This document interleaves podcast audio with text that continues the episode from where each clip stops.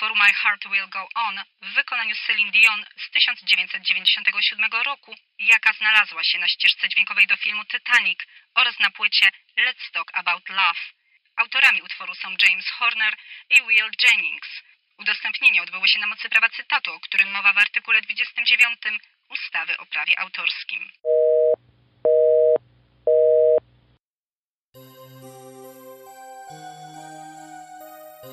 Żan nie wyróżniał się niczym szczególnym. Miał sporo zalet i tyle samo wad, jak każdy. Żaden z niego potwór. A jednak to właśnie on wyjął nóż. Podszedł do trupa młodej dziewczyny, która zmarła minionej nocy i powoli zatopił metalowe ostrze w jej martwym ciele to tylko mięso.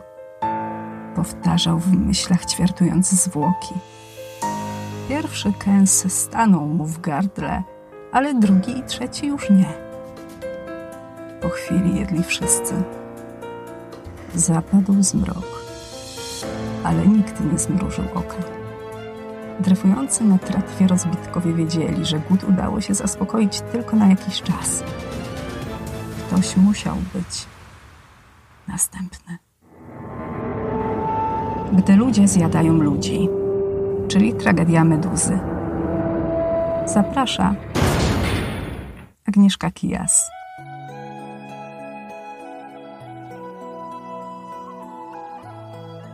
Na hasło największa katastrofa morska niemal zawsze pada ta sama odpowiedź. Titanic – i wiecie co, ja się temu nie dziwię, bo faktycznie w przypadku tej tragedii liczba ofiar była porażająca.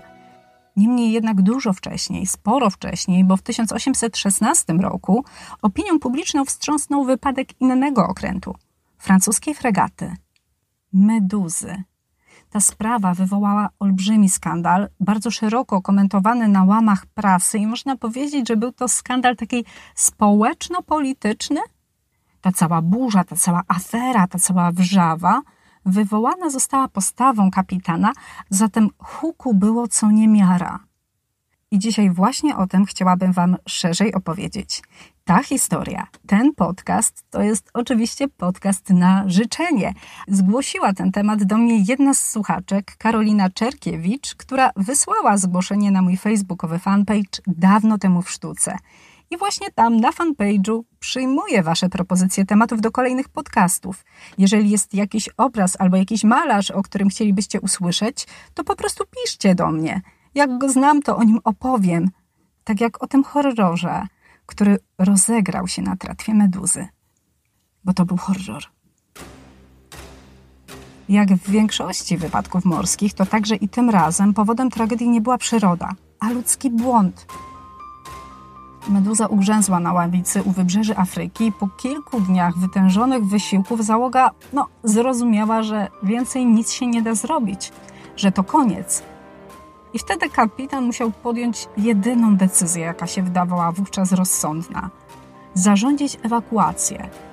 Na pokładzie było wówczas 400 osób, z czego w szalupach ratunkowych znalazło się miejsce dla 250.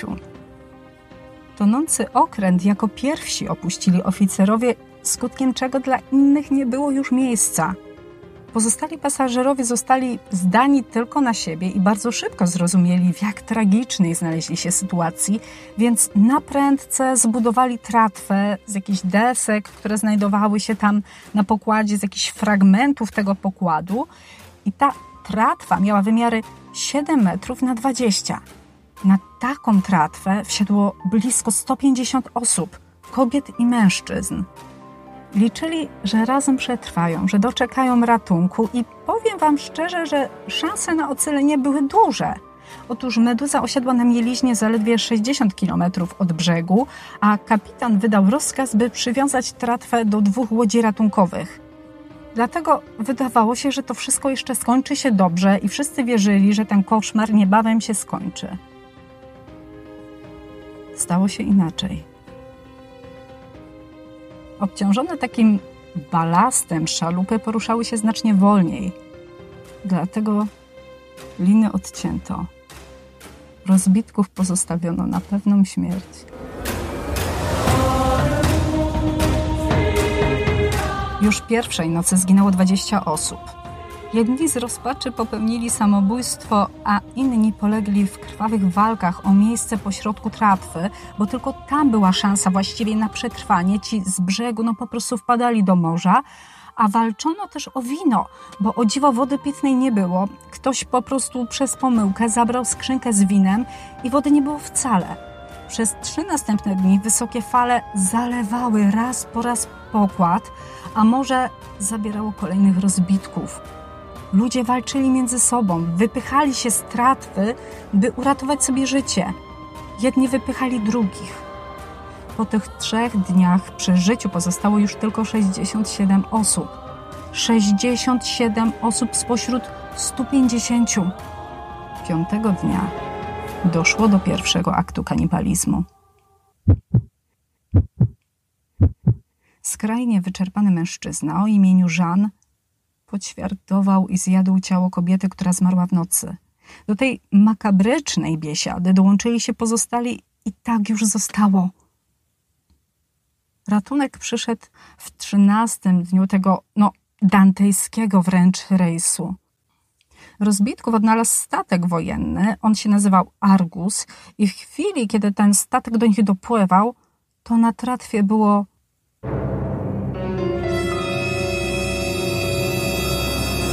piętnaście osób i kilka nadgryzionych trupów. Pięcioro ocalałych zmarło po kilku dniach. Kiedy sprawa wyszła na jaw, kapitan Meduzy stanął przed sądem. Zarzucano mu, że na skutek błędnych decyzji doprowadził do zatonięcia fregaty, że źle przeprowadził ewakuację, a odcinając liny holujące tratwę, skazał na śmierć wielu rozbitków. Za takie coś groził stryczek, ale z okrutnym kapitanem rozprawiono się nad wyraz łagodnie. Skazano go na trzy lata więzienia – Wyrok zbulwersował paryską opinię publiczną, tym bardziej, że kapitan był emigrantem z okresu rewolucji francuskiej i wojen napoleońskich.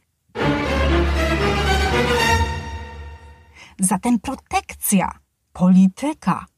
Wśród oburzonych znalazł się także malarz, Teodor Żeliko. Zareagował. Pomysł rodził się powoli, bo początkowo Żeliko chciał uwiecznić moment odcięcia lin.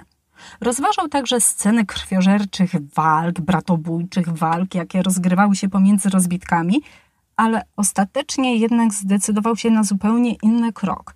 Bardzo słuszny, ponieważ Żeliko poszedł w stronę nadziei.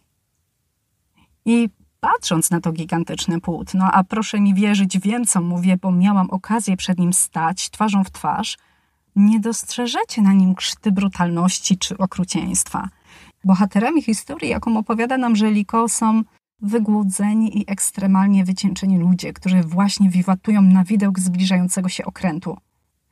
Fakt, że w rzeczywistości byli to najsilniejsi i najbardziej bezwzględni mężczyźni spośród wszystkich 150 osób, jakie znalazły się na tratwie meduzy, malarz celowo przemilczał. Wystarczy, że na deskach leży pięć martwych ciał, nieco nadgryzionych. I całe kulisy powstawania tego obrazu to tak naprawdę temat na jakiś osobny podcast, bo Żeliko do tego stopnia wszedł w ten obraz, w ten temat, że kazał sobie zwozić do pracowni martwe ciała i malował trupy naprawdę malował trupy. W dodatku do obrazu pozowali mu ci oficerowie i ci rozbitkowie, którzy przeżyli tragedię Meduzy, ale nie tylko oni, bo jest tutaj taka ciekawostka. Jedna z osób na pierwszym planie, jeden z rozbitków, ten po lewej stronie obrazu, ma twarz Eugène'a Delacroix, innego znanego malarza epoki. I jego najsłynniejszy obraz, Wolność, wiodąca lud na barykady, wisi w Luwrze dosłownie nieopodal tratwy Meduzy. Ja tam byłam i to widziałam, ale myślę, że o tym opowiem Wam innym razem. Oczywiście, jeżeli będziecie mieć na to ochotę. Przypomnę tylko, że ten podcast powstał na życzenie słuchaczki Karoliny Czerkiewicz, którą z tego miejsca bardzo serdecznie pozdrawiam i życzę Ci, Karolino, żebyś kiedyś miała okazję pojechać do Luwru, bo wiem, że jeszcze tam nie byłaś i żebyś mogła zobaczyć na żywo to gigantyczne płótno i sama wyrobić sobie własne zdanie na temat tego, co tam się wydarzyło. Na samą myśl łamie mi się głos bo nie wiem, jak bym się zachowała, gdybym znalazła się na tej tratwie. Prawdopodobnie byłabym tą, która wpadłaby do wody jako jedna z pierwszych. Ale może dość już tego horroru na dzisiaj. Myślę, że wszyscy musimy się trochę uspokoić, bo nie ukrywam, że dla mnie nagrywanie takiego podcastu o takim mocnym temacie to też są emocje.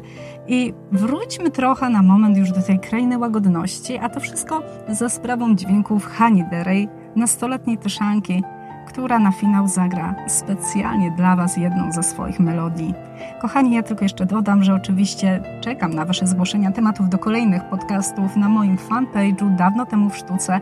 Od niedawna przyjmuję je również na Insta, bo odświeżyłam tam swój kanał i on teraz będzie na bieżąco uzupełniany. Jestem na YouTubie, zatem piszcie do mnie, komentujcie, lajkujcie, subskrybujcie, bo nawet nie wiecie, jak dużo to dla mnie znaczy. Ten sygnał zwrotny od Was, bo kiedy Wam się podoba, to wiem, że to, co robię, ma sens i wtedy jeszcze z większą werwą i energią przenoszę Was do świata wielkiego malarstwa. Do usłyszenia.